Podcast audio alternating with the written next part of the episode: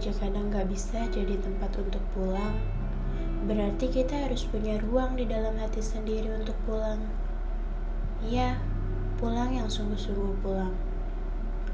Kehilangan orang lain masih ada yang lain, tapi yang namanya diri sendiri jumlahnya cuma satu-satunya di bumi. Kalau sampai diri sendiri juga hilang, berarti tiap kekhawatiran, masalah, sedih, dan kecewa sudah nggak ada lagi teman dan penyembuhnya. Itu bahaya, lebih bahaya dari kesunyian itu sendiri.